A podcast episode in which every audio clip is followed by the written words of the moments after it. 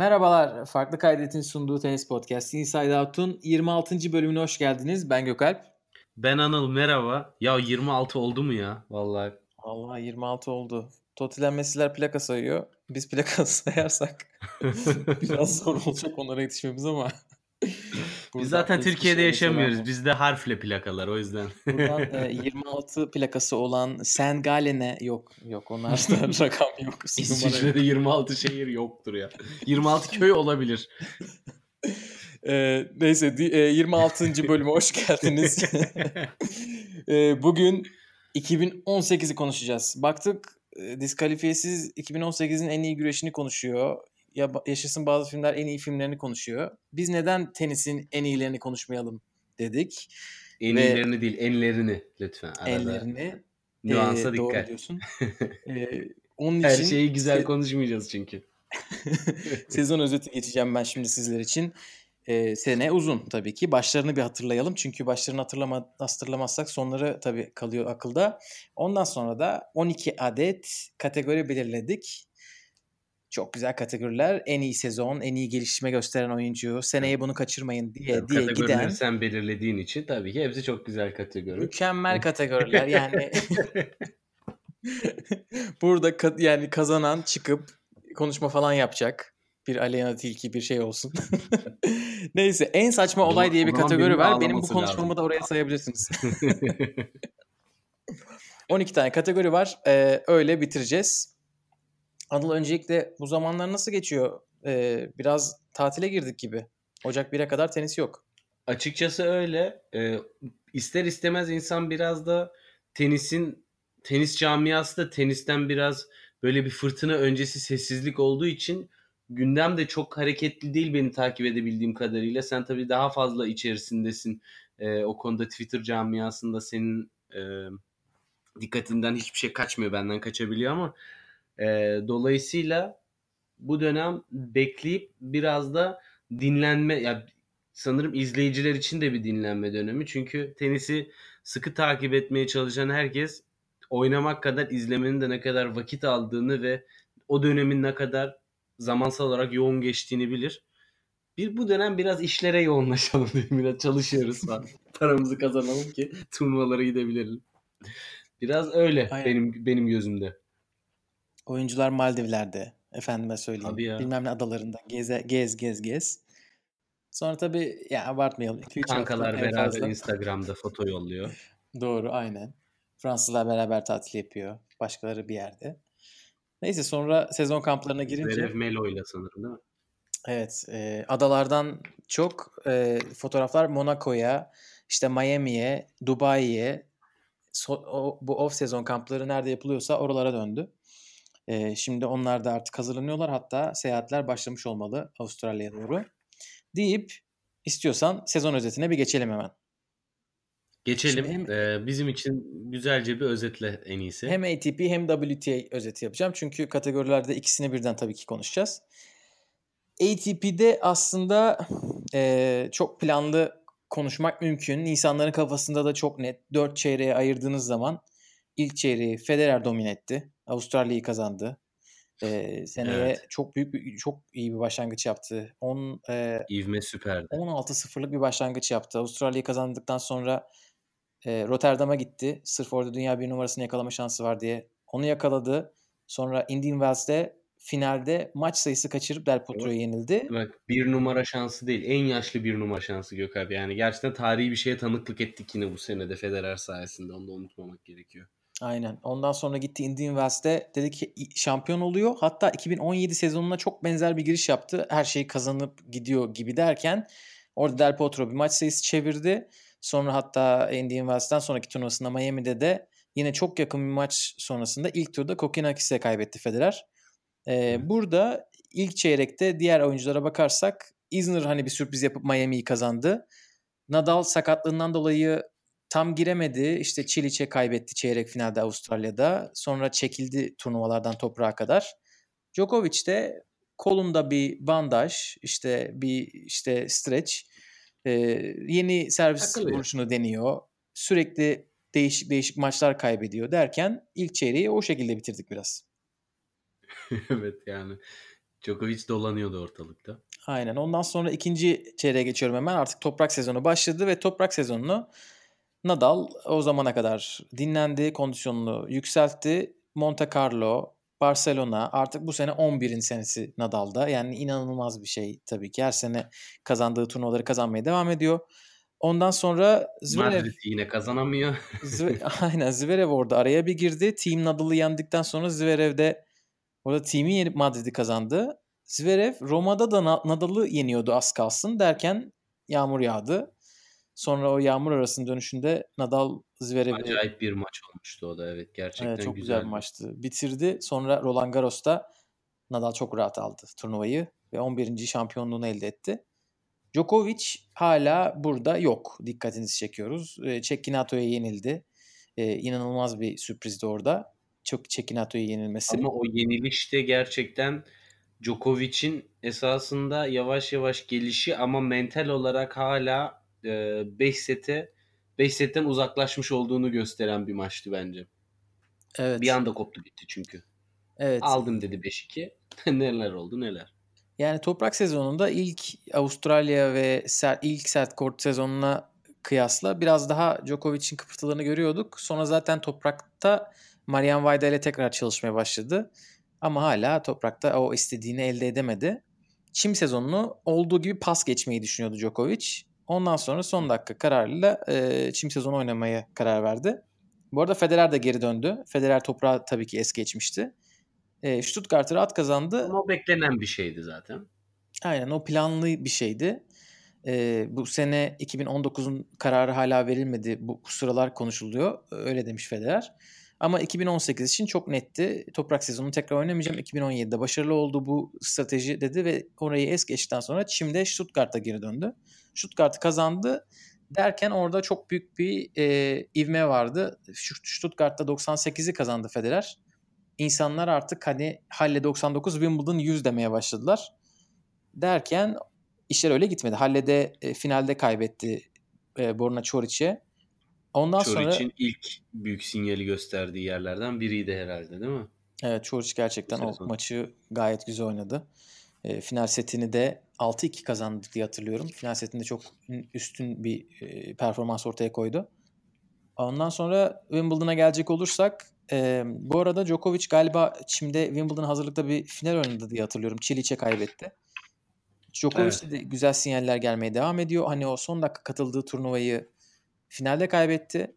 Ondan o dönem sonra konuşuyorduk zaten. Diyorduk yavaş yavaş Djokovic hazır gibi ama geliyor artık Wimbledon'da bir beklentimiz olabilir diye konuşmaya başlamıştık ama bunu kimse beklemiyordu herhalde bu kadar. Evet Wimbledon'da hani Amerika açığa kıyasla mesela Wimbledon'da hala öyle bir beklentimiz yoktu. Çünkü Djokovic Çiliç'e doğru düzgün yenilmemişti hiç kariyerinde. Çiliç'e yenildi e, Çim'de.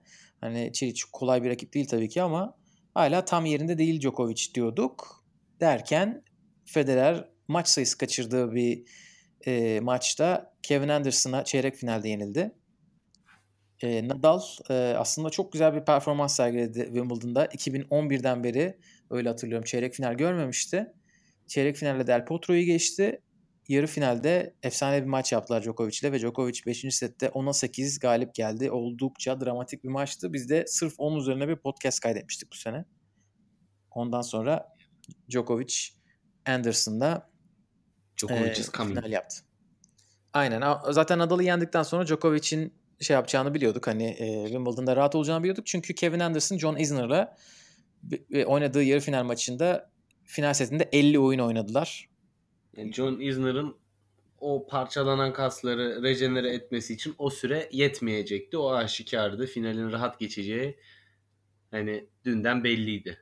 Ve onun sayesinde de Wimbledon kural değişikliğine gitti ve 2019 evet. itibariyle son seti 12-12'de e, bir tiebreak'le bitireceklerini açıkladılar. Djokovic Wimbledon'ı kazandı ve bu hepimiz için sürpriz olduğu kadar e, Djokovic için, için de sürpriz oldu. Zaten basın toplantılarında dürüstçe söyledi bunu. Derken artık e, Amerikan e, yaz hani e, turnuvalarına geçmeye başladık. Orada tabii tur, senenin en, önemli turnuvalarından birisi olan Hamburg açık. Bizim. ben de hangisini diyecek diye bekliyorum. Biz katıldık ve Anıl, Anıl Hamburg'da yaşıyor diye demiyorum.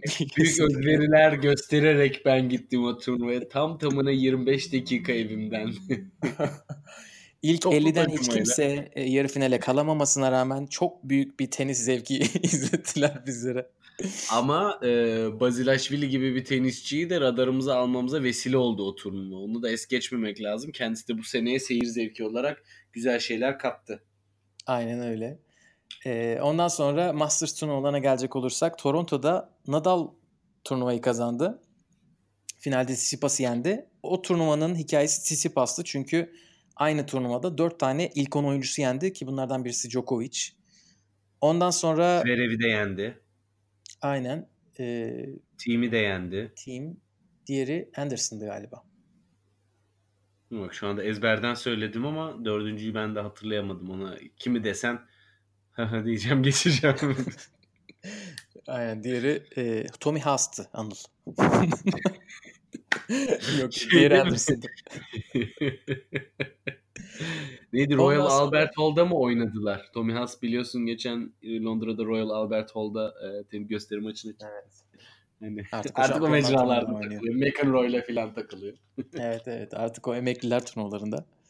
E, Masters turnuvalarını ilkini Nadal, ikincisini Djokovic kazandı. Burada Djokovic'in Cincinnati'yi ilk defa kazandığını ve nispeten rahat kazandığını söyleyelim. Finalde de Federer'i yendi ve Federer'i Djokovic'e karşı ilk defa izledik uzun zaman sonra. Ama ve çok güzel maçtı o da. Ben de tam Federer hiç varlık gösteremedi diyecektim. aynı maçtan bahsediyoruz. Cincinnati. O zaman aynı maçtan bahsetmiyoruz. Sen Paris'ten bahsediyorsun. evet, evet ben Paris'ten bahsediyorum. Çok özür dilerim. Direkt kafam oraya gitti. O maç çok güzel. Paris'teki Djokovic Federer maçı hakikaten bu senenin en keyifli maçlarından biri olabilir. Aynen. Enlere gelince ama... konuşuruz falan. Aynen öyle değildi Cincinnati'de. Hı-hı. Derken e, Amerika açığa geldik. Amerika açıkta artık favori Novak Djokovic diyordu insanlar ve Djokovic hiç de şey yapmadı. Maç sektirmedi. E, artık hani o 2011-2015 formuna geri döndüğünü böyle o sinyalleri vermeye başladı ve Amerika açığı kazandı. Ki o turnuvadan ee, önce bak not kayıtlara düşüyorsun tekrardan. Djokovic bu seneyi bir numara bitirir demiştim. Ve öyle de oldu. Evet Anıl'ın çok büyük öngörüleri. Başka hiç kimse öngörememişti.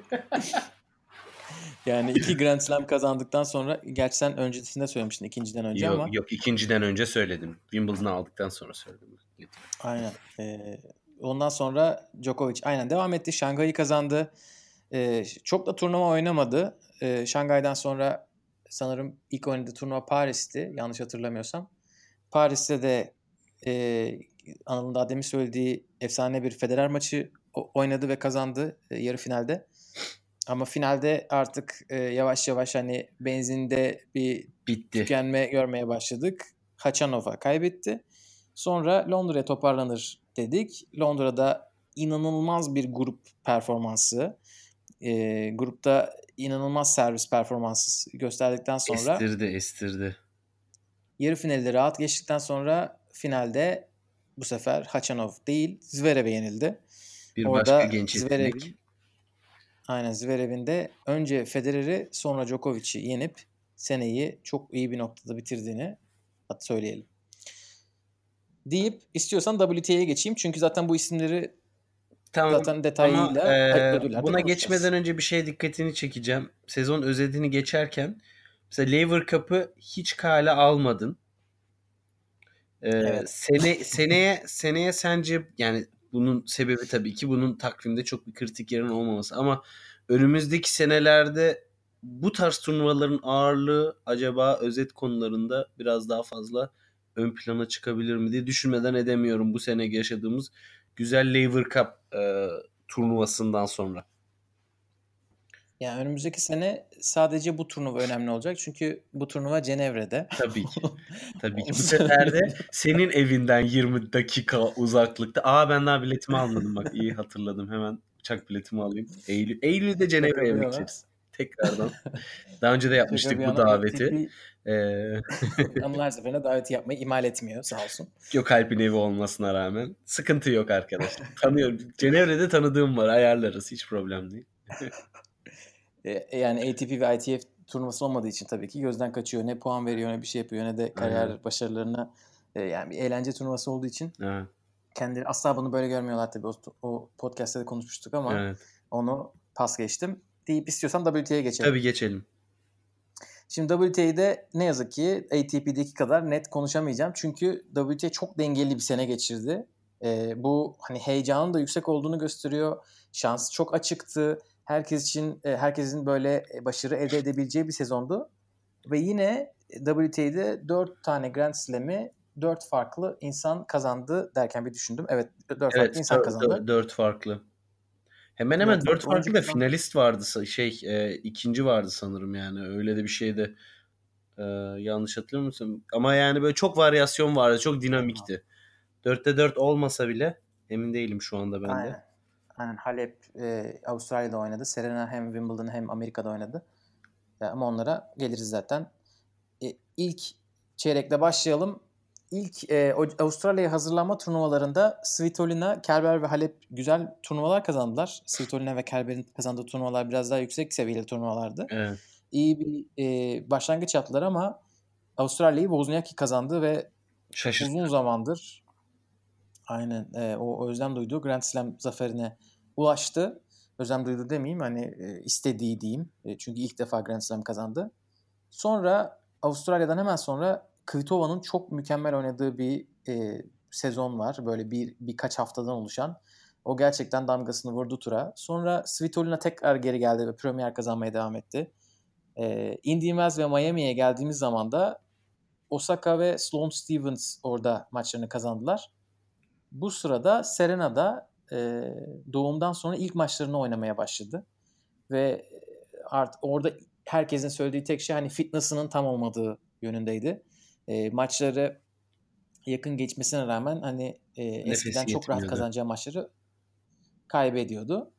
E, sonra artık Sonra hani kazanmaya başladı zaten. sonra Yani şeyde Roland Garros'da çekildi. Roland Garros'a kadar kazandı maçlarını. Orada oynamadı yani. Sharapova'ya karşı. Aynen ya çekildi ya e, böyle son dakika kaybettiği maçlar var.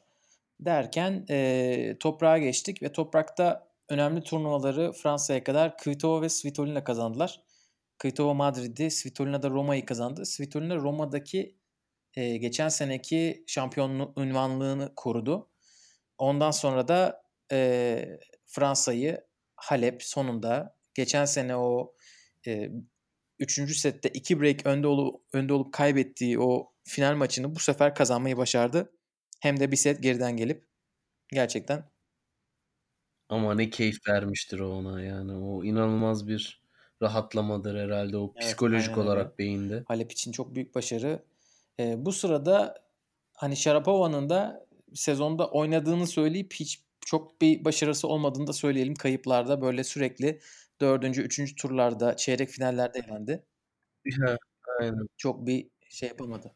O yüzden zaten 29. Aynen sezon boyu anda. zaten hiçbir şey yapamadı e, kayda değer.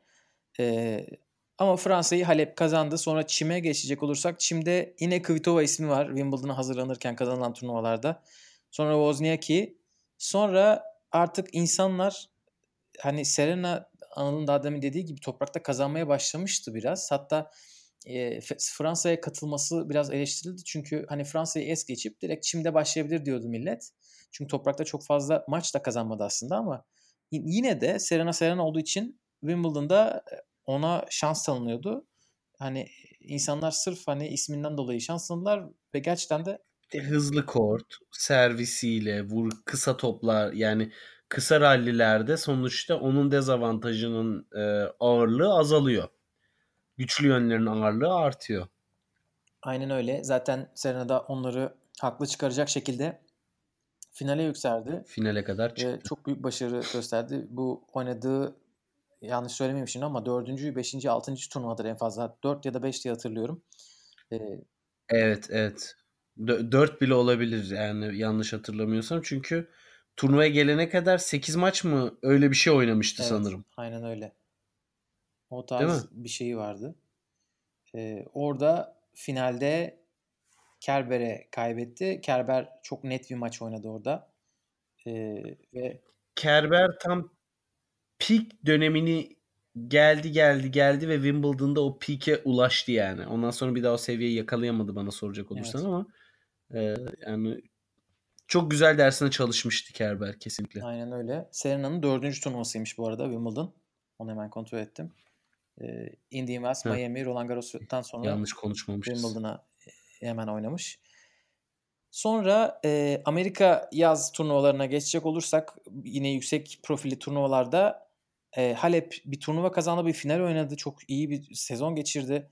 Kiki Bertens burada iyice ön plana çıkmaya başladı. Toprakta artık onu çok iyi bir sezon geçirdiğini biliyorduk ama bizi şaşırtan sert Evet. kortta da ve o yorucu toprak canlı da çok sonra da ikna edici bir kaliteyi de izlemiştik e, Kibertens'i hakikaten. Aynen öyle. O, o yorucu toprak sezonundan ve uzun süren e, maçlarından sonra Amerikan yaz e, sezonunu da çok iyi geçirdi ve e, Cincinnati kazandı yanlış hatırlamıyorsam.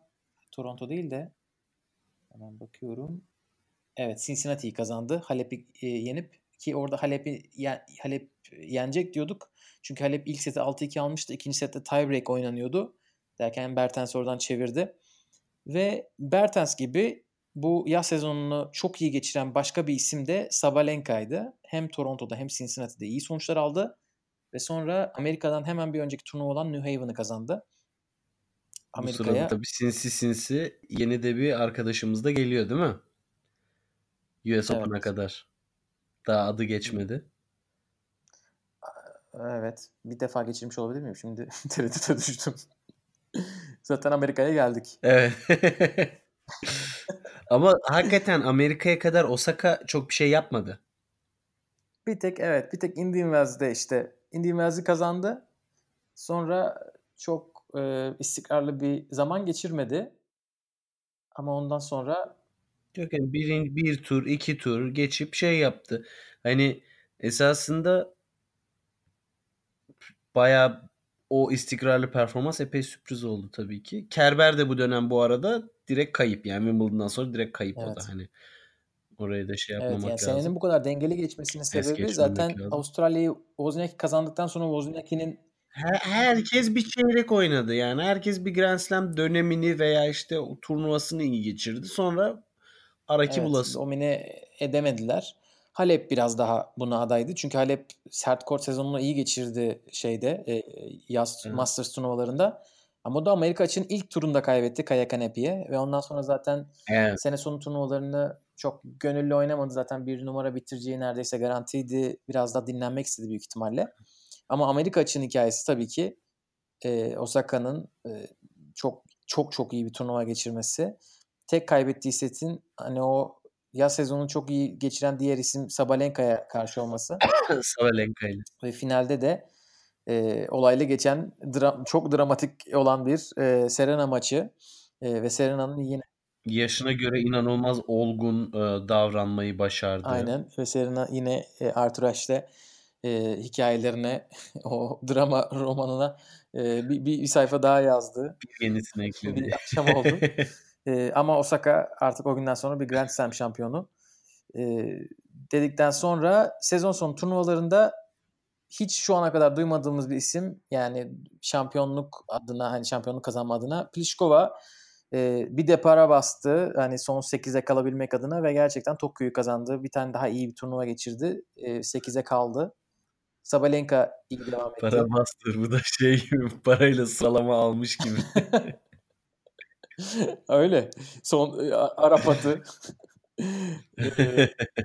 Wozniacki burada bir tekrar belirdi. Beijing'i kazandı. Kasatkina çok böyle duygusal bir Moskova turnuvası geçirdi. Tabii insanların evde kazandığı turnuvalar başka oluyor. Ee, ve Moskova turnuvası da Kasatkina için de büyük bir e, zafer yani. Hani azımsanacak bir şey o turnuvada iki kesinlikle. defa kaybediyordu maçlarını. Ve e, turnuvayı kazandı. Ve sezonun son sonunu da Svitolina sürpriz yaparak herkes onu unutmuşken sene sonu Büyük finallerini sürpriz ya veya acayip bir sürpriz yaparak hem de yani. Öyle böyle değil. aynen sene sonu finallerini kazanıp bitirdi. Ee, bu da WTA'nin sezon özeti diyebiliriz. Umarız. Ukrayna'yı ayağa kaldırdı. Aynen.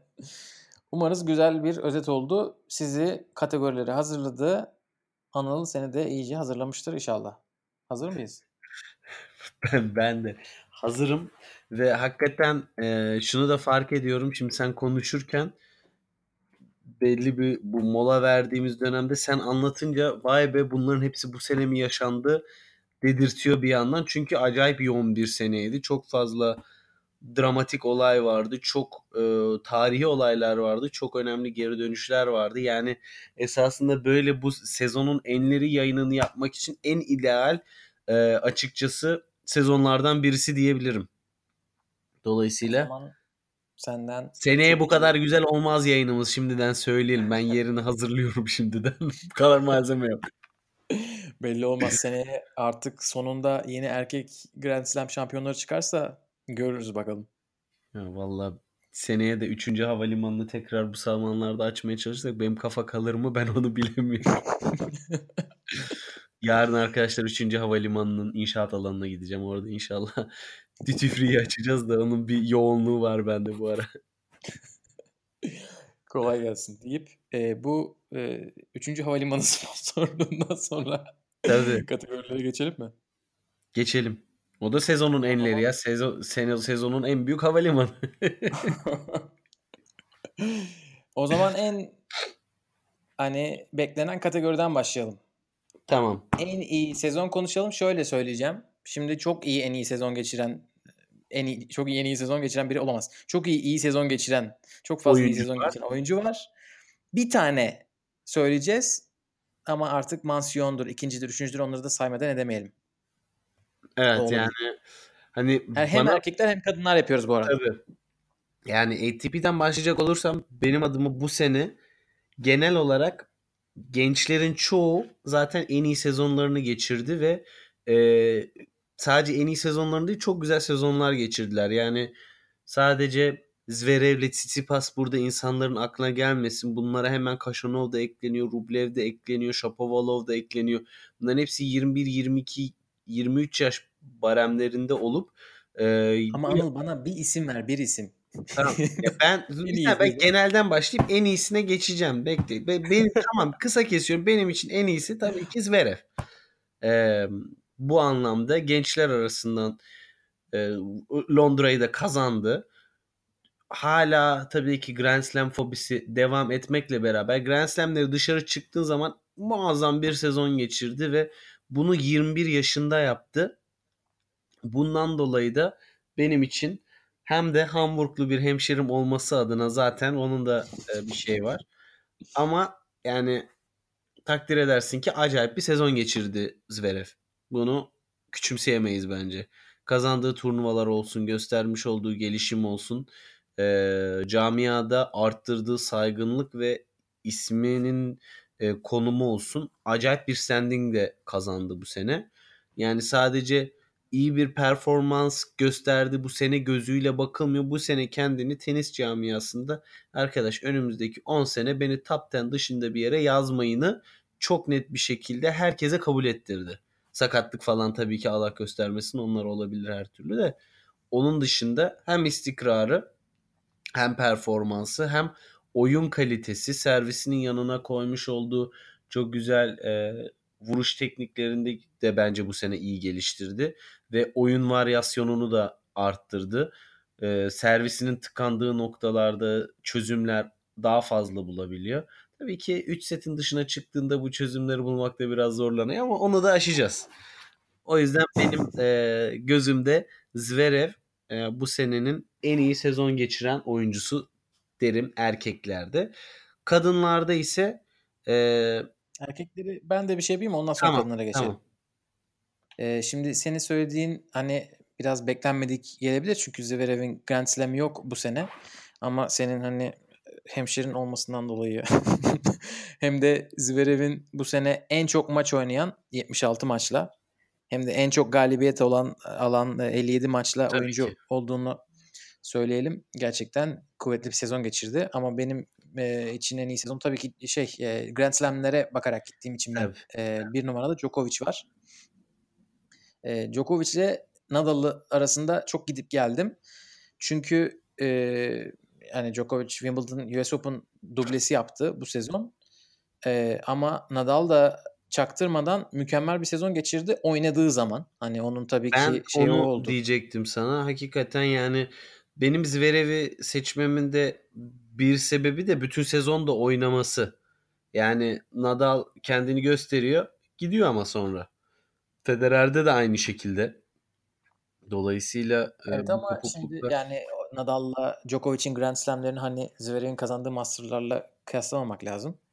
Çünkü eyvallah. Nadal burada Roland Garros kazanıyor. Djokovic de Wimbledon'un üstüne bir de gidiyor Belki Amerika açık kazanıyor. Adam alışkanlık olduğu için normal karşılıyorum Gökalp samimi gerekiyor. evet evet.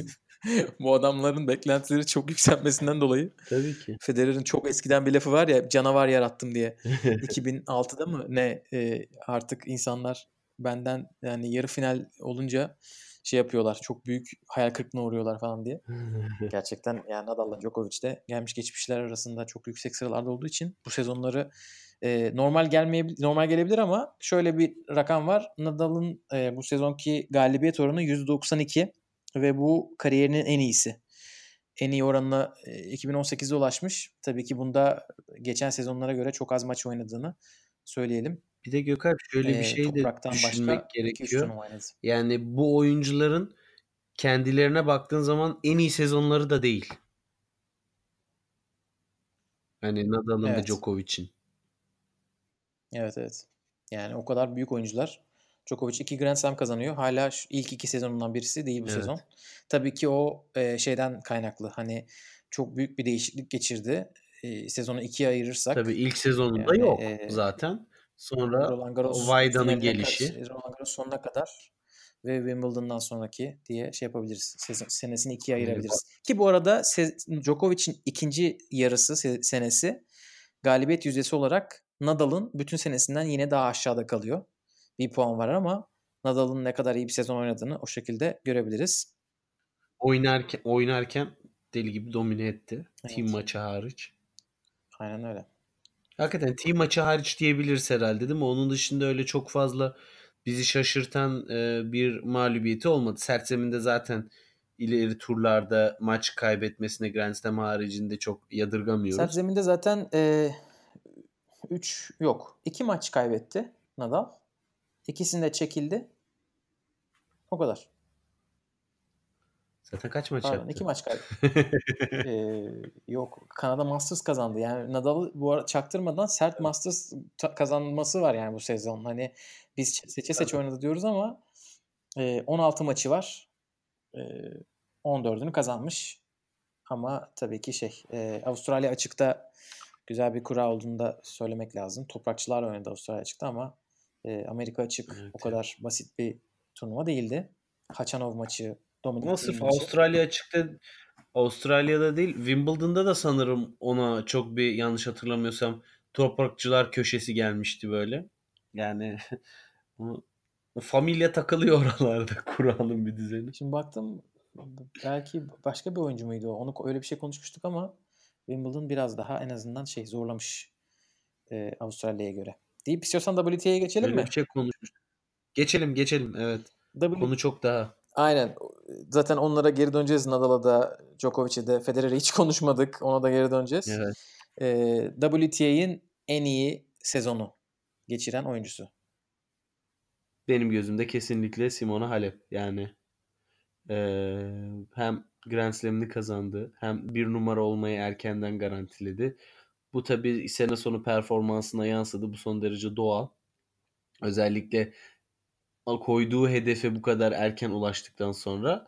Eee, ama hani eee, Halep ne kadar dengeli ilerlemiş olsa da bu sene eee, senin deyiminle WTA yukarılarda özellikle ilk yarıda kendini devamlı gösteren ve hissettiren e, kişi oldu. Bundan dolayı ben Halep diyorum ama tabii ki WTA'nin bu inişli çıkışlı yapısından dolayı da bütün sezon bu oyuncu tertemizdi zaten diyebileceğimiz hiçbir kimse de yok. Öyle bir durum var. Aynen aynen. Bence de öyle. Bence de en iyi sezon Halep. Ee, çok gidip geldim. Çok baktım böyle sezonları karşılaştırdım ama e, Halep'in o birkaç ayı pas geçmesine rağmen hani onun bu başarılarının bir ötesine gidecek bir isim gerçekten yok. Hani Grand Slam kazanmış isimler arasında ka- karşılaştırmak istedim direkt. Ee, birkaç isim var böyle aklımda hani zorlu zorlu zorlamış olan ama e, Wozniacki mesela Wozniacki biraz daha güçlü bir sezon geçirseydi Avustralya dışında o belki zaten sıralamada da bir numara olurdu büyük ihtimalle. Evet. evet. Ama Wozniacki de çabuk e, şey söndü gibi. Yani, yani parladı söndü parladı öyle diyeyim. Bir, bir ara gitti sonra biraz geri geldi derken öyle çok bir şey yapamadı hani ortaya koyamadı her şeyi. Bütün tabi burada en iyi sezon diye gerçekten bütün sezonu düşünmek lazım. Ee, Kvitova'yı düşündüm. Ee, çok çok fazla turnuva kazandı. En fazla turnuva kazanan oyuncusu bu sezonun. Ama bu turnuvalardan hiçbirisi Grand Slam değil. Ve bir de Serena da yani geri döndü ve yani hiç beklenmeden ve çaktırmadan iki tane Grand Slam finali oynadı. Bu da hani mansiyon ödülü gibi buraya yazdım. Ama evet yani ya zaten Serena anne olmasa bu kadar uzak kalmasa önüm ya geç, geçtiğimiz iki sezonda Halep'in bu kadar isminin ön plana çıkması da mümkün olmazdı bence. Evet evet. Çünkü Serena sert zemin oldu mu Wimbledon oldu mu evet, korta bir, Halep, bir e, Fransa maçı güzel canavar ya. giriyor ve e, tabii ki ama işte bu sene Halep haricinde Serena'ya ters gelen oyun yapısı WTA'de biraz daha ön plana çıktı. Bunu evet. E, Kerber zaten Wimbledon'da finale yenerek gösterdi. WTA finallerinde de Svitolina mesela o da Williams'a ters gelen bir tarz. E, bu tarzlar yani esasında Serena Williams'ın gücü ve e, dominasyonuna karşı ilaç gibi gelen benim çok haz etmediğim sıkıcı baseline oyunu ve daha çok sabra dayalı oyun stili bu işin ilacı gibi bu sene kendini zaten gösterdi. Seneye Williams hazır bir şekilde geldiğinde hakikaten bu izlenim doğru muymuş yoksa değil miymiş e, bunu 2019 senesinde göreceğiz ki çok da bir şey kalmadı. Aynen öyle. Ee, son bir ekleme yapayım bu en iyi sezonda çünkü erkeklerde hiç Federer demedik. Federer'i bir söylemek lazım. E, Federer evet. çok çok böyle Majesteyi çalkantılı bir ediyoruz, değil mi yani? sezon geçirdi ama kendisinin 36 yaşında bir Grand Slam kazandığını, Avustralya açığı ünvanını koruduğunu burada hani söylemeden geçmeyelim ama bunu zaten ilerleyen kategorilerde tekrar konuşuruz. Evet. O zaman ikinci kategori hazır mısın? Evet. En çok geliştim, gelişme gösteren oyuncu. ATP, çok gidip geldim. WTA. Çok gidip geldim iki oyuncu arasında. Çoric ile Tsitsipas arasında ama sonunda e, yani öyle bir noktaya geldi ki Tsitsipas zaten e, şeyde de izledik. Next Gen Finals'ta da izledik. Bu sene Tsitsipas diyorum. Deminör bu kategoriye daha alamıyorum çünkü o biraz daha onların o top level turnuvalarda biraz daha kendini ispat etmesi gerekiyor ki bence onu seneye gösterebilir ama gerçekten kabuğunu kıran bu sene 3 tane oyuncu vardı e, gençlerden. Biri Tsitsipas, biri Çoric, öbürü de Kaşanov'du. E, Kaşanov biraz ben senenin başında da biraz beğeniyordum onu. E, ama sonra biraz istikrarsızlık gösterdi ve aralarından gerçekten sıralamada da e, göster görüldüğü üzere e, istikrar olarak da Çoric'in çünkü sakatlıkları falan oldu. Umarım seneye onu aşar. O zaman kendisini de daha fazla finallerde görürüz. Ama benim gözümde Tsitsipas en çok gelişme gösteren oyuncu oldu. Ee, ben de katılıyorum sana. Ben de ATP'de Tsitsipas yazmıştım. Ee, bu söylediğin isimleri bir sıralama değişikliklerine hatırlatayım. Tsitsipas e, 91 numaradan 15 numaraya yükseldi bu sezon sonunda. E, Çoric 48 numaradan 12 numaraya yükseldi. Haçanov da 45 numaradan 11 numaraya yükseldi. Gerçekten çok büyük değişiklikler. E, bence de Tsitsipas sadece e, çok yüksek sıralama atlayan iki isim daha var. Onları söyleyeyim ilk 20'de olan. Medvedev. E, Eee, 50 numaradan evet, pardon 3 isim söyleyeyim o zaman. Doğru Medvedev. Medvedev'i atladın mı? Benim benim de ilk aklıma gelen o oldu. 50'den 14'e yükselen Kyle Edmund. Evet. Ondan sonra 65'ten 16'ya yükselen Medvedev ve Cecchinato. 109 numaradan 20 numaraya yükselen bir Cecchinato var. Ama Bunlar da Cecchinato''nun diğer ben oralarda çok barınabileceğini de sanmıyorum. Ben Ro- Roland Garros'dan sonra birkaç turnuvasını izledim. Öyle top seviye bir oyuncu olabilecek maalesef bir istikrar göremedim. Yani eee 2000 pardon 1819 puanı var Cecchinato'nun. Bunun 800'ü zaten Roland Garros yarı Evet geliyor. Onun için tek sonrasındaki turnuvalarda. Roland Garros'dan sonra da turnuvaları çok daha rahat eleme oynamadan katılabildiği için de tabii ki daha güzel puanlar da topladı. Hani bunu da hiç azımsamamak lazım. Hani bir Grand Slam başarısı sonrasında da insana çok fazla e, puan toplama açısından avantaj sağlıyor.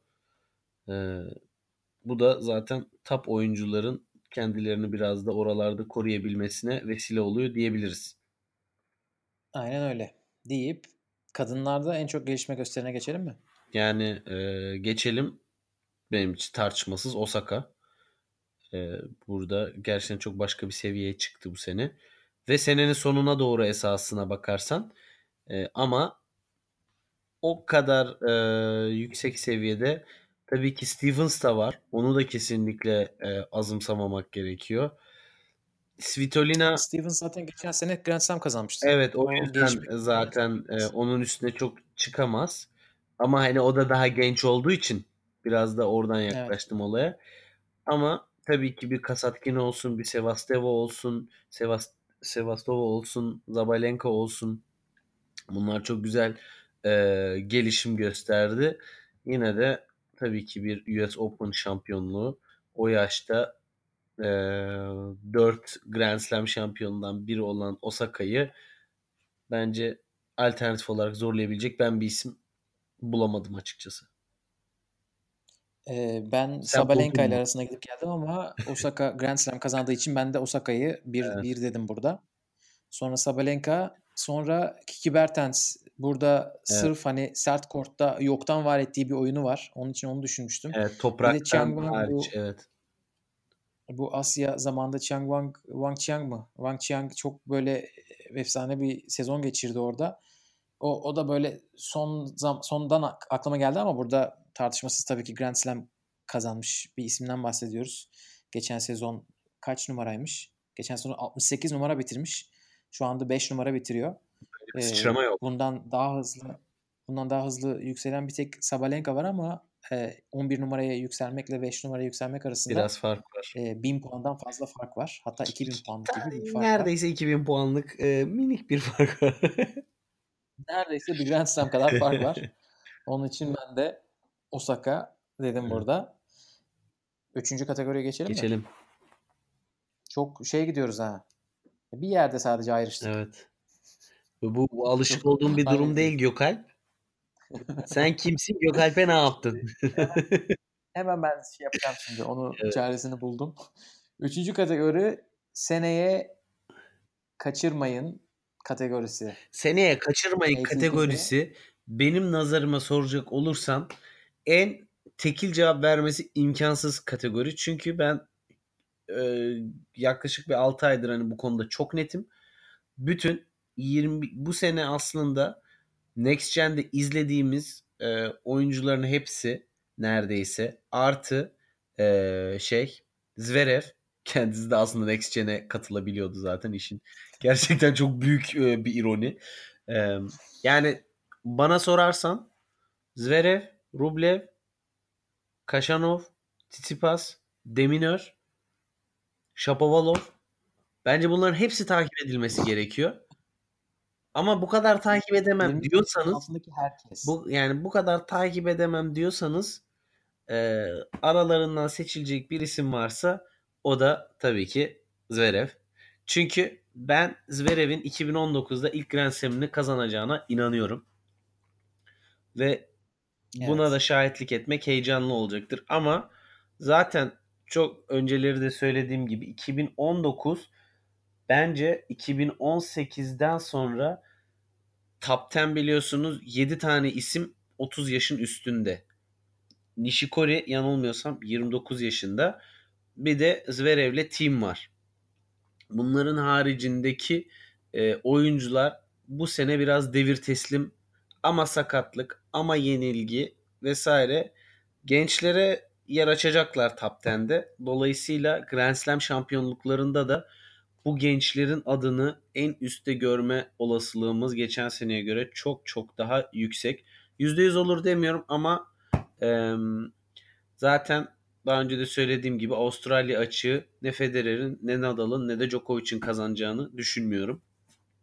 Böyle de olabilir ama olmama olasılığı da yüksek diyorum. ne kadar politik bir cevap. Böyle de olabilir ama Federer kazanırsa da şaşırmayız. ya yok sonuçta çok büyük bir ivme yakalanacak bu sene. Yani e, gençler çok fazla gelecek. Avustralya Djokovic. Ha? Avustralya Djokovic'in. O çok net. Göreceğiz. Ee, seneye izleyin kategorisinde ben senin hani 9 tane oyuncu saymana rağmen onlardan farklı bir isim söyleyeceğim. Çünkü onlar kadar başarılı değil. Ama bu Next Gen Finals'da beni en çok ilgimi çeken isimlerden biri olan Jaume Munar. Munar bu arkadaşı gerçekten çok merak ediyorum. Önümüzdeki sene ne yapacak? Çünkü Jaume Munar'dan kimsenin beklentisi yok bence. Bir David Ferrer olacak falan diye bekliyorlar. Nadal Akademisi hariç. Ama bu çocukta bu çocukta bir potansiyel varmış gibi geliyor bana. Bakalım neler yani olacak. Oyun stilini falan zaten konuştuk. Hani o konuda e, diyecek bir şey yok bunların aynen, da. Aynen. E, kendisi ilk 20'yi zorlayabilecek bir potansiyel gösterdi. Ama tabii ki potansiyelini gösterip o noktaya gelemeyen de birçok isim de var. Yok da değil. Dolayısıyla Nadal Akademisi'nin bu noktada kendini ispat etme ee, ama yöntemi Munar'ın başarısı da olabilir. Çünkü artık Nadal da yavaş yavaş gençlere mentorluk yapmaya Federer gibi başlayacağı yaşlara geldi. Nadal. Evet. 33 yaşında. WTA'de kim diyorsun? Ha. Seni izleyin diye. Ee, bana WTA'de her çeyrek ayrı birini izleyin. Bu şuursuz bir turnuvayız. Ama e, ben Kasatkina diyorum. Evet. Kasatkina. Kasatkina'yı ben geçen sene söylerdim herhalde. Bu sezon, Bu sezonda çok e, sen sen tabii e, şey açısından geçiyor. bakıyorsun olaya.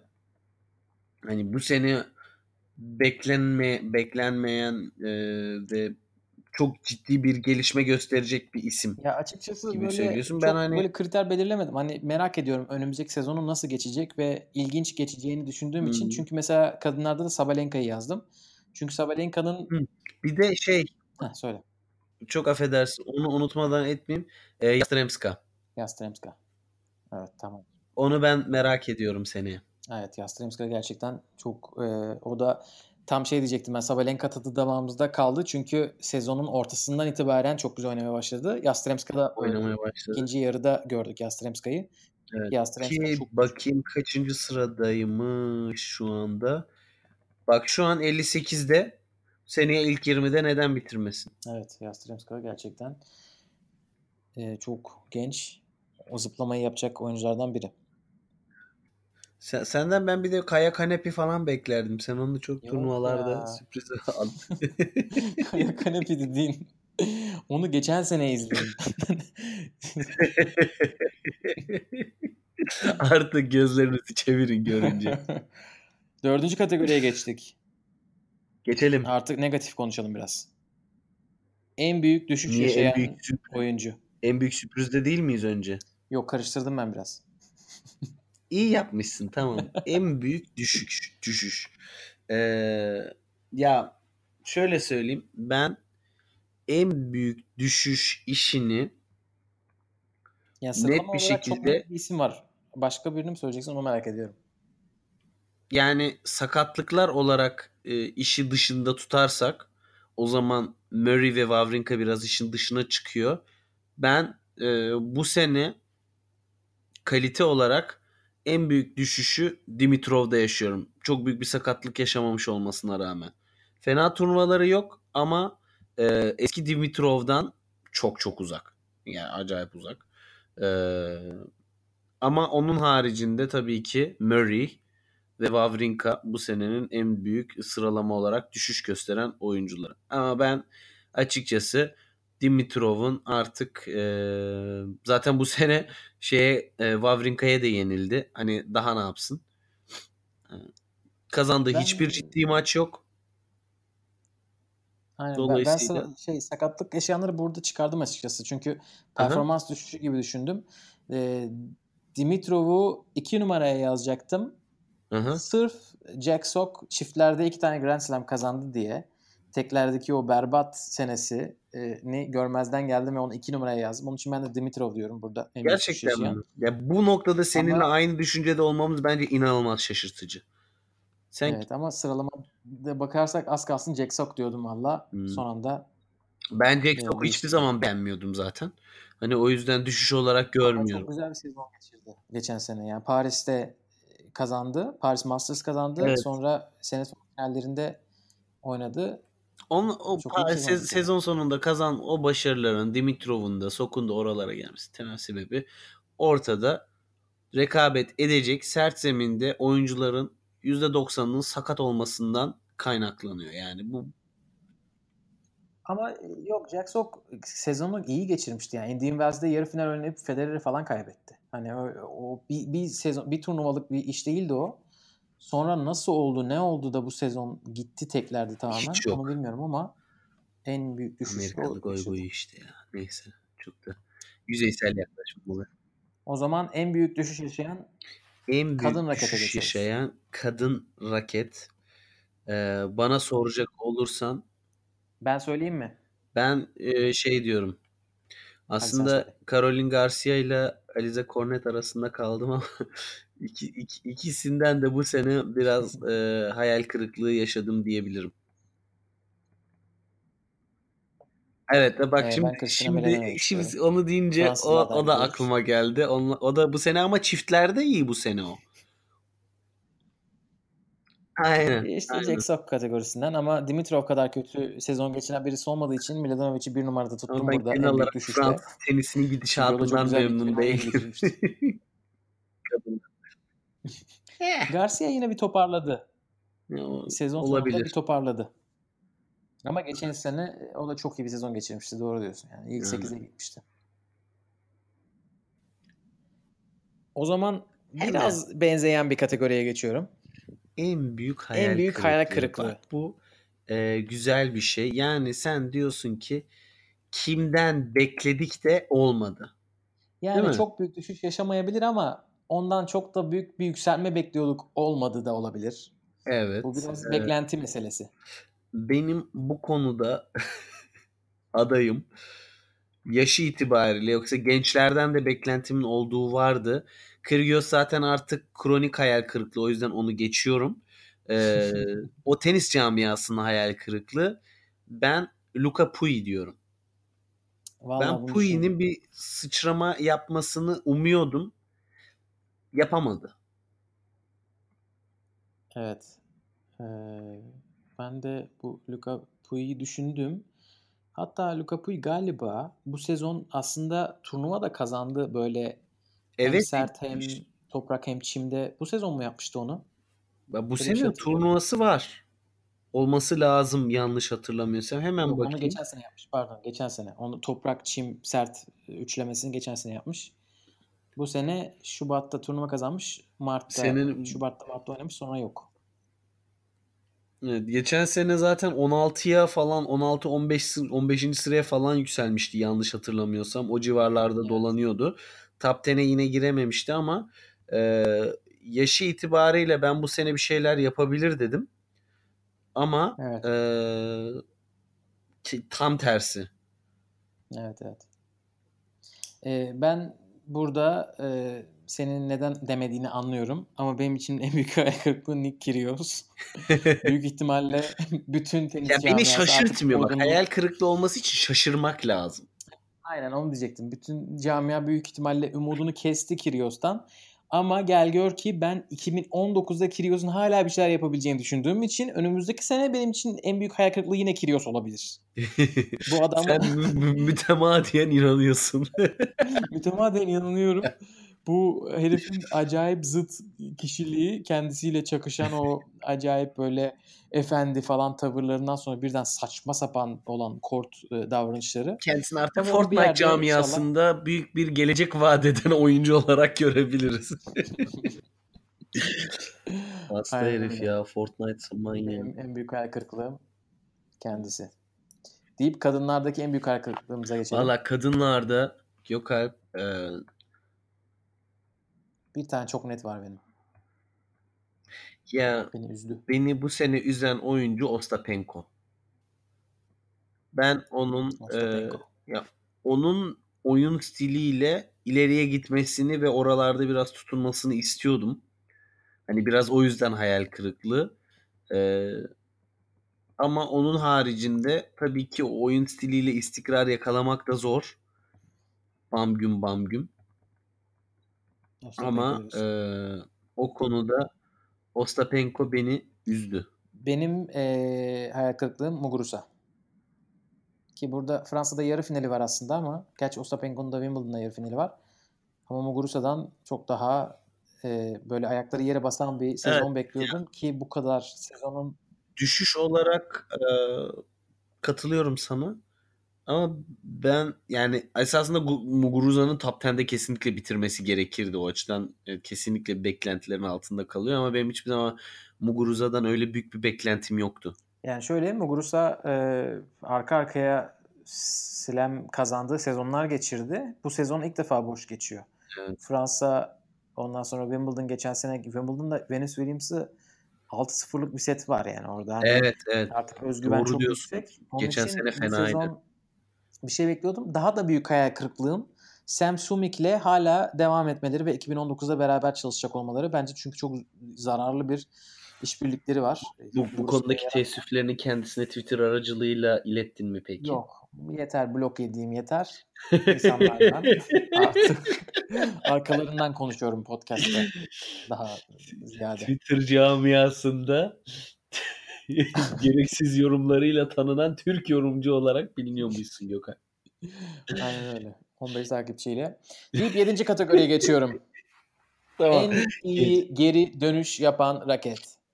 Gerçekten yani ben bu kadar gelmek üzereyiz. ben bu kadar zor bir soruyla karşılaşmadım. Çok uzun düşündükten sonra e, Wawrinka'ya değil Djokovic'e karar verdim.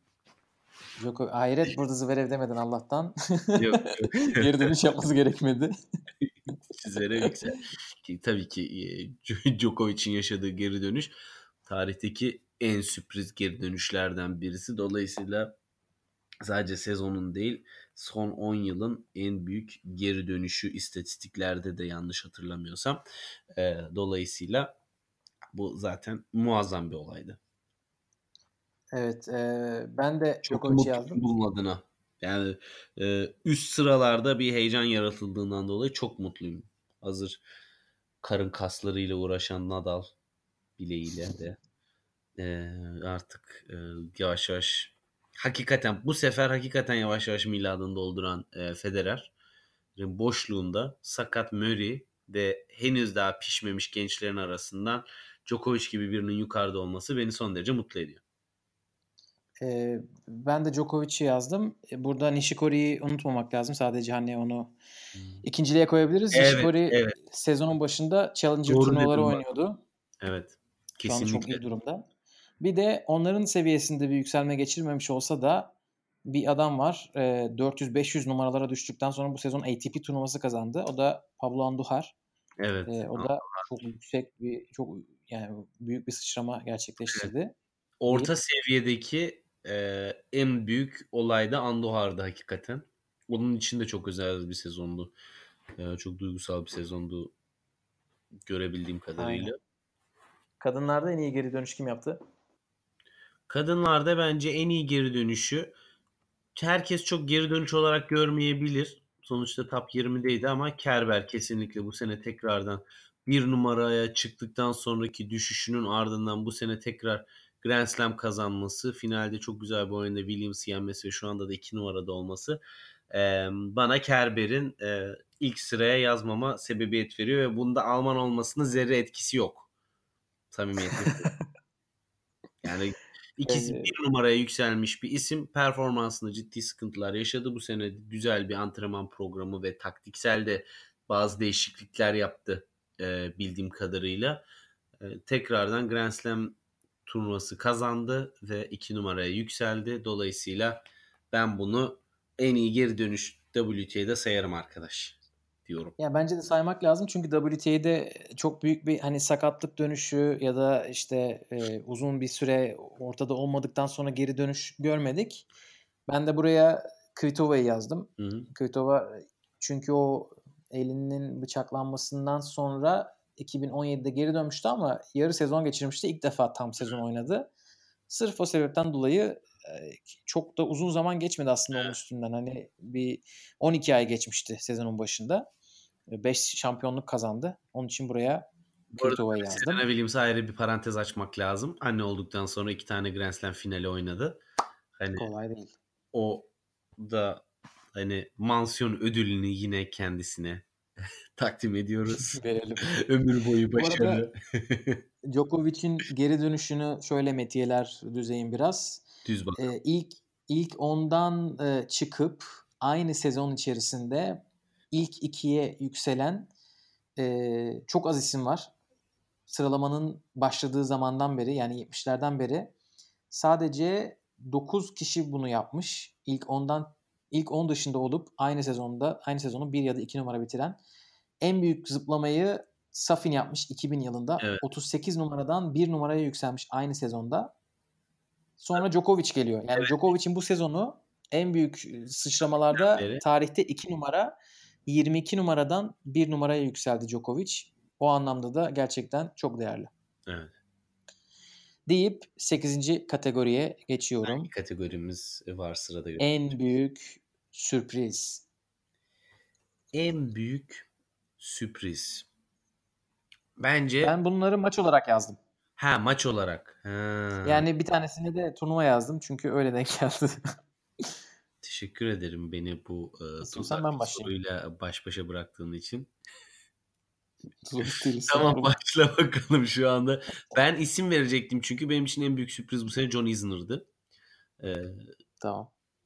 ama sen buyur başla. Madem. John Isner güzelmiş. E, ben şey dedim ya. E, Çekinato'nun Djokovic'i yendiği maç. Sonra da 2 2 numaraya da Anderson'ın Federer'i yendiği maçı Wimbledon maçını sıkıştırdım. Çünkü sırf orada Federer maç sayısı kaçırdığı için bir de ilk seti 23 dakikada yenmişti. Biz iyiydik yani. Ben çok rahattım. Herkes çok... Ondan dolayı Çekinato'yu bir numaraya yazdım. Anderson'ı da iki numaraya yazdım o maçları. Ben esasında sen soruyu revize ettiğinde e, Federer Anderson maçı diyecektim ama ben onu başka bir kategori için e, ayırdım. O zaman O konuşalım o zaman. Onu sonra da e, detaylıca konuşabiliriz ama dediğim gibi e, John Isner'ın e, Masters kazanması bu yaşta bir anda forehand ve return oyunu geliştirebilmesi inanılmaz. Hani bunu daha öncelerde de konuşmuştuk. E, Marcel Ilan'la karşılıklı US Open'da oynadıkları maçı hatırlıyorum. O noktadan sonra o kadar sene sonra e, böyle bir ivme yakalaması bence gerçekten takdire şayan ki oyun stili olarak hiç haz etmiyorum. Onu da bir kenara yazayım. Ama e, maç olarak dersen benim için e, bir maç daha var. O da bizim e, bira içerek, tapas yiyerek e, beraber izlediğimiz maç olan Dominic Thiem Nadal maçı. Benim için çok güzel bir sürpriz oldu. Ben çok mutlu oldum. Ama orada Nadal'ın Madrid'de o maçı vermesini açıkçası hiç beklemiyordum. Çok üst seviye bir sürpriz oldu bence. Team'in maç kazanması şaşırtmasa da Nadal'ın Madrid'de yenilmesi bence büyük bir e, şaşırtıcılık etkisi vardı. Aynen. Kadınlarda var mı net aklına gelen bir şey?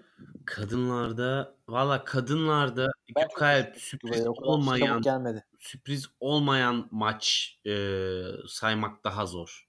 Yani her maç sürpriz. Ya benim nazarım. Normalde öyle diyoruz ama ben bu sezon çok baktım. Bütün Grand Slam tablolarına bir gözden geçirdim. Seri başları aslında iyi oynamış. Yani ilk 8'e seri başı olmayan Nasıl çok ya? oyuncu girmemiş bu sezon. Hangi Grand Slam'de Amerika açık değil de Wimbledon'dı sanırım ya. Çeyreğe ilk 8'den oyuncu kalmamıştı neredeyse. E, galiba hepsinde birer tane mi ne kalmış. Ama eskiden eskiden hiç kalmadı. Eskiden böyle olmazdı yani. Gerçekten eskiden seri başı olmayan bir oyuncu kalma şey 7 seri başı çeyrek final oynamış. Hmm. Ee, yanlış söylemiş olmayayım. Bakıyorum. Eh 6 seri başı çeyrek final oynamış. O zaman ee, seri başı olmayanlar da Kamila Georgi ve Sibulkova. Wimbledon mıydı neydi yani böyle bütün isimlerin elendiği turnuva benim de şimdi tabii saat geceriz. Amerika açıkta bir tane var seri başı olmayan Yok, Surenko. o zaman ondan önce. E, Fransa'da bir tane var Putintseva. Avustralya'da da bir ta- iki tane var Mertens ve Suarez Navarro. Yani aslında çok süp aşırı büyük sürprizler bu sene olmadı. Onun için ben çok zorlandım. açıkçası. Neyse. Ya biz hani büyük seri başları küçük seri başlarına kaybettiği zaman onları da sürpriz diyoruz tabii ki ama e, bu sene beni böyle ya mesela Halep'in Kanepi'ye Amerika ilk açıkta kaybet ilk turda kaybetmesi beni çok şaşırtmadı. Hani onun dediğin gibi bazı şeyler çok büyük büyük sürpriz olmuyor. Federer'in Anderson'a kaybettiği etkiyi yaratmıyor. Onun için ben buraya Osaka'nın Amerika açık galibiyeti dedim. Komple paket olarak. Katılmamak elde değil desem de benim için Svitolina'nın olayı daha büyük. Sen Svitolina sene sonu diyorsun. Tamam hadi bakalım. Team Europe Labour zaman... Cup diyormuşum. Nasıl olur? Okey devam. Dokuzuncu kategorimize geçiyoruz. Bu konuşmak istediğin kategori. En heyecanlı, en heyecanlı maç. maç. Ee, ben bu kategoriye saklamadım bu işi. Benim çok ilginç bir en heyecanlı maçım var. Onun da e, sebebi ben hakikaten bu kadar yüksek tansiyonla ve e, keyifle çok fazla maç izlememiştim. Bunda iki oyuncunun da kalitesi o sev, o maçta çok üst seviyedeydi. Şaşıracaksın ama Nadal Kaşanov maçı. Hı, çok güzel maç. Senenin başında. Çok çok. He, İnanılmaz güzel bir maçtı. Evet. Heh, evet. Pardon, sene başı diyorum bak kusura bakmayın. Üstünden kaç ay geçti? İki ay. sene bir sene geçti. Nadal Kaşanov maçı ben acayip keyif aldım gerçekten. Ee, evet, yani ben Kaşanov'un da o seviyelere çıkmış e, olduğunu ilk defa orada gördüm. Çünkü öncesinde TFO ile bir maç oynamıştı. TFO maçı alacaktı, sapıttı. E, bir şeyler oldu, sakatlandı. Kaşanov öyle bir üst tura çıkmıştı. Dedim yani bileğin hakkıyla geçmedi bu turu Kaşanov.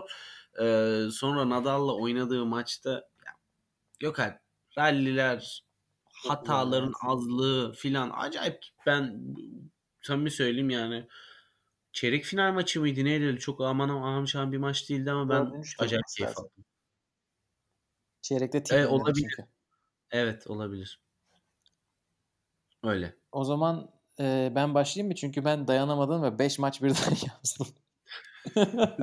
Sen bütün sene zaten nabız 190 geçmişsin. Sen bir kalp toplamına ya biraz, Bu kadar heyecanlanma tenis izlerken ya. Biraz büyük isimlerin maçları oldu. Onun için biraz üzgünüm. Çünkü diğer isimleri pek hatırlayamadım ama belki de ondan heyecanlanmışımdır. E, maçlar üzerinde çok yorum yapmayayım. E, bir numara Wimbledon yarı finali. Djokovic'in Nadal'ı yendiği maç. İki evet. numara e, Wimbledon çeyrek finali Nadal'ın Del Potro'yu yendiği maç. Gerçekten o maçı çok böyle zevkle izlediğimi hala hatırlıyorum. 3 numara Anderson'ın Federer'i yendiği maç.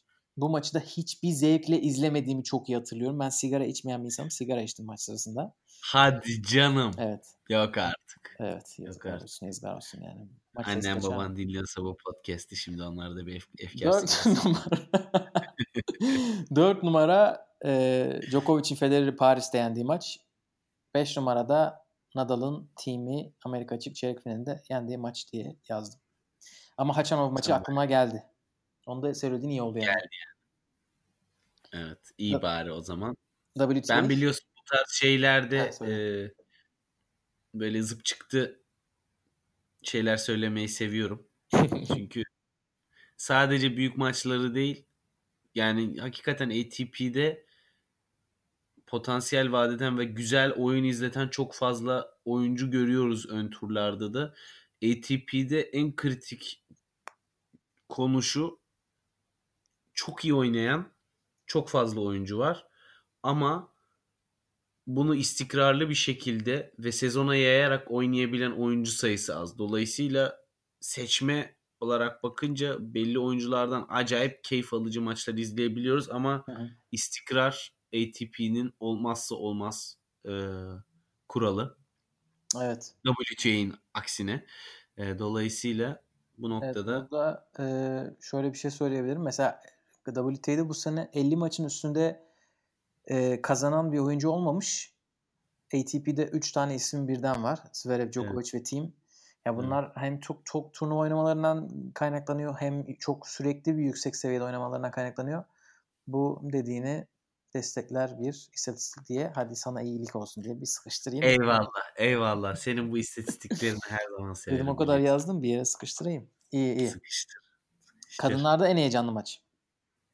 Kadınlarda en heyecanlı maç yani bu sefer tarzımın dışına çıkacağım ve e, şaşırtıcı olmayan bir şekilde Williams Osaka maçı diyeceğim. Yani e, maçın kendi ya. içerisindeki heyecandan ziyade bence e, Mesela atmosferden diyorsun.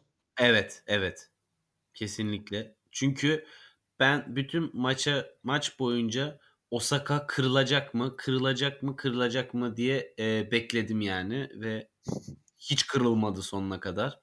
Çünkü biliyorsun yani gencecik kız. Binlerce insan yani. Arthur Ashe bu. Orada da bir ilah gibi Serena Williams ve inanılmaz tartışmalar yaşanıyor. Ve orada ben acayip etkilendim açıkçası Osaka'nın o yaşta, o olgunlukta oyunun devam etmesini sağlamasına. Bunu epey bir kez de tekrar ettim sanırım. Dinleyenler dinlemiştir bol bol bunu. Ee, ben iki tane Halep galibiyeti yazdım en heyecanlı maçlara. Bir tanesi Avustralya açıkta oynadığı yarı final. Kerber'i yendiği. O, o gerçekten acayip bir maçtı. Üçüncü set 9-7. İkincisi de hani sırf maçın öneminden ve de maçın o momentumundan dolayı e, Stevens'a karşı aldığı Roland Garros final galibiyeti. Ama onun Hakikaten çok güzel maçtı. Ee, maç kalitesi olarak Halep e, Stevens'ı yazmak kesinlikle katılıyorum o noktada. teşekkür ederim. o zaman Bak, hazır mıyız? zaman yapmam. Sıradaki kategori. 3 kategorimiz kaldı. Evet. 10. 10. kategorimiz en kritik an. En kritik an evet. Ee, ben ATP. işte neyi sakladım? Tabii ki Federer Anderson maçını sakladım. O Hmm. maçta Federer'in maç puanını alamayıp o maçı e, Anderson'ın çevirmesi e, Djokovic'in şu anda bir numara olmasının en önemli sebebi bence. Oo, kelebek etkisi nerelerden nerelere geldik? Aman aman aman.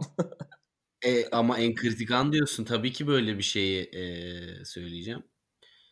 Yani ben kesinlikle o maçı Federer alsaydı bir momentumla finalde yani en azından şuna inanıyorum. Djokovic o finali elini kolunu sallaya sallaya kazanamazdı ve o özgüveni de zo- daha zor kazanırdı ve bu işler bu noktaya gelemezdi diye düşünüyorum. Hani bu şu demek değil. Allah kahretsin kazanamadı Djokovic bir numara oldu diye. Djokovic'in bir numara olması beni mutlu ediyor. Ama e, bence ATP adına en kritik an oydu. Yani sezonu ikiye böldüğün zaman birinci bölüm, ikinci bölüm olarak ayrılmasının en temel etkenlerinden birisi Djokovic'in yükselişi ise Djokovic'in yükselişinin önündeki en kritik engellerden biri o Wimbledon turnuvasıydı. Ee, ben kort dışından bir ana gideceğim izninle. Bir Kedim. telefon konuşması. Hazır mısın? Hazırım. Telefonun bir ucunda Novak Djokovic var. Oo. Marian Vajda var.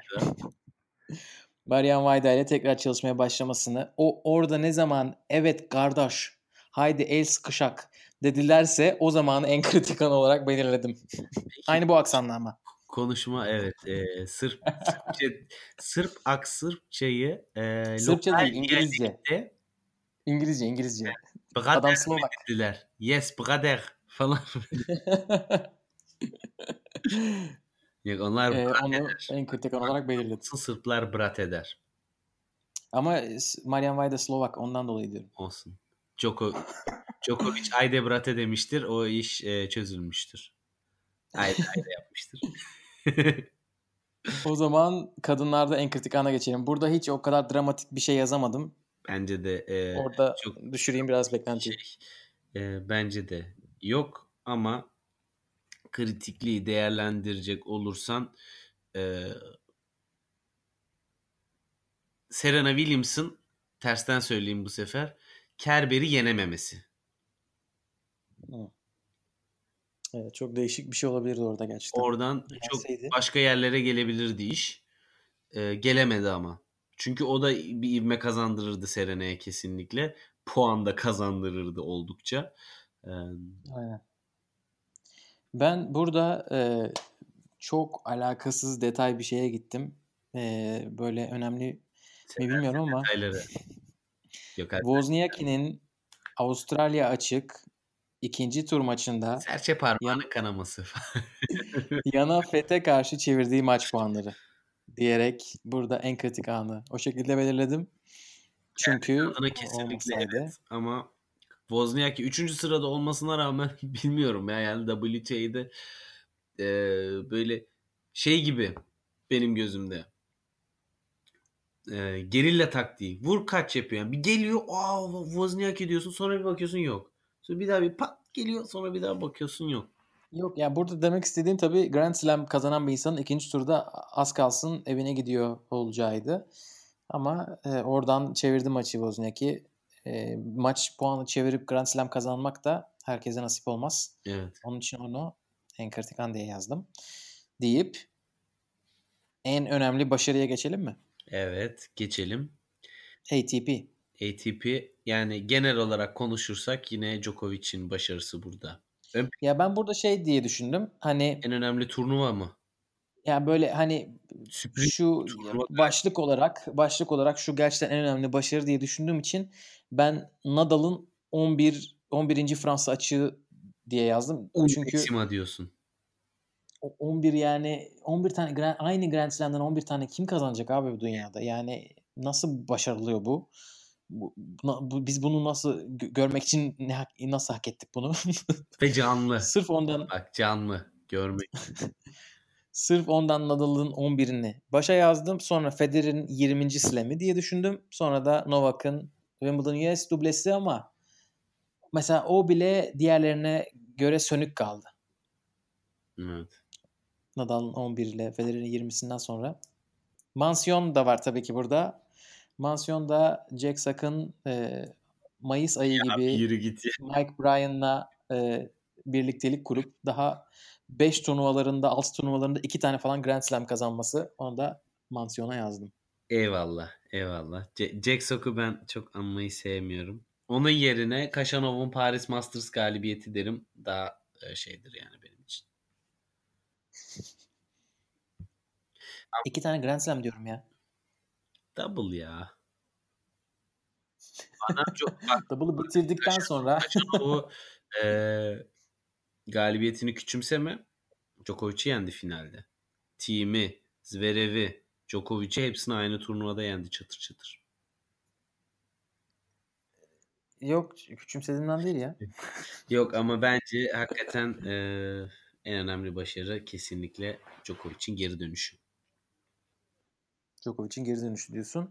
WTA'ya geçelim mi? Geçelim. E, WTA'de de aslında yine benzer. Bence en önemli başarı e, hadi bak şu anda karar değiştiriyorum ve Svitolina'nın galibiyeti diyorum. Neden diyecek olursan Ya bırak ya. hayır bak neden diyecek olursan Neden? büyük bir risk alarak st- oyun stratejisi, fiziki yapısını hepsiyle oynayıp e, başka bir yola gitti. Bunu sürdürebilir mi bilmiyorum ama bu kadar radikal kararlar alıp bu kadar süre içerisinde bunlara cevap almak bence çok büyük başarı. Evet. Ben Halep'in Fransa açık galibiyeti diyorum. Bu evetin de hı hı evet hı hı gibisinden olduğunu. Eyvallah, eyvallah. Ya son dakika kazandı. Onun 3. sette yendi. Çok Şunu 3. direkt sette yendi. Stevens onu yenecekti. darma duman edecekti. Eyvallah ama Bertens yenecekti. arda arda o kadar çok zor maç kazandı ki bence bu da bir başarı. Hani oradan bak bir daha üstüne başarı olarak ben bunu yazarım yani o turnuvayı. Kız her her maçını ilk maç hariç hepsini 3 set oynadı. Doğru doğru. Bakalım önümüzdeki sezon ne yapacak? Devamlı getirebilecek mi? This is not a boru yani. Son kategori hazır mısın? Son kategoriye şu an o kadar hazırım ki Son en kategori. saçma olay. En saçma olay. Spoiler yaptım nasıl? Evet o zaman sendeyiz. Valla Ben tek bir şey bulamadım yani. Yok. Yok abi saçma olay.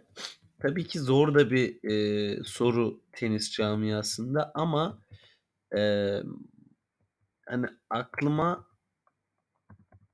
çok bir şey gelmese de Ben sana o zaman biraz hatırlatayım. için yani bak bana en büyük e, saçmalık bence bu şey e, shot clock'a hala da bir e, rezistans gösterilmesi. Ha, sen çok şey gittin. Çok rasyonel gittin ya. Ben, ben Evet. bayağı şeyler şimdi sana biraz belki başka bir şeyler hatırlatır. Ee, birkaç tane nokta sıralayayım. Ee, madde. Senin gözünde, Ee, listelerinde. bu bol boyların gördüğü muamele son zamanlarda çok şey oldu. Çok gündeme geldi. İşte birine bağırılıyor, biri bir şey yapıyor, havlusunu fırlatıyor falan filan. Bu sezon çok şey yaptı. Ee, konuşuldu. Serena'nın Amerika'daki Amerika finalindeki olayı. Gerçekten ne gerek vardı? Üzüldük. Serena Çingen. demişken Serena'nın Fransa'daki kıyafetini yasakladı başka turnuvalar. Buna Tütü. ne gerek var? Evet bence Hayır, olay e, değil. Bence evet, senin saçmalığı Serena Williams'ın Yok, yok e, o, o kıyafet değil. Ee, bütün bu şey tight. Bil, ayak bileğine kadar giydiği tight. ha o altına giydiği. Ha bak ben Yok, onu altına bilmiyordum. değil ya. Yok hayır böyle body suit, suit gibi bir şey giydi böyle süper kahraman gibi. Hatta o zaman tam Black Panther çıkmıştı. Ee, tam böyle süper kahraman şeyinde Evet. modasında gidiyordu. Sonra Fransa açık biz artık buna tekrar izin vermeyeceğiz dedi.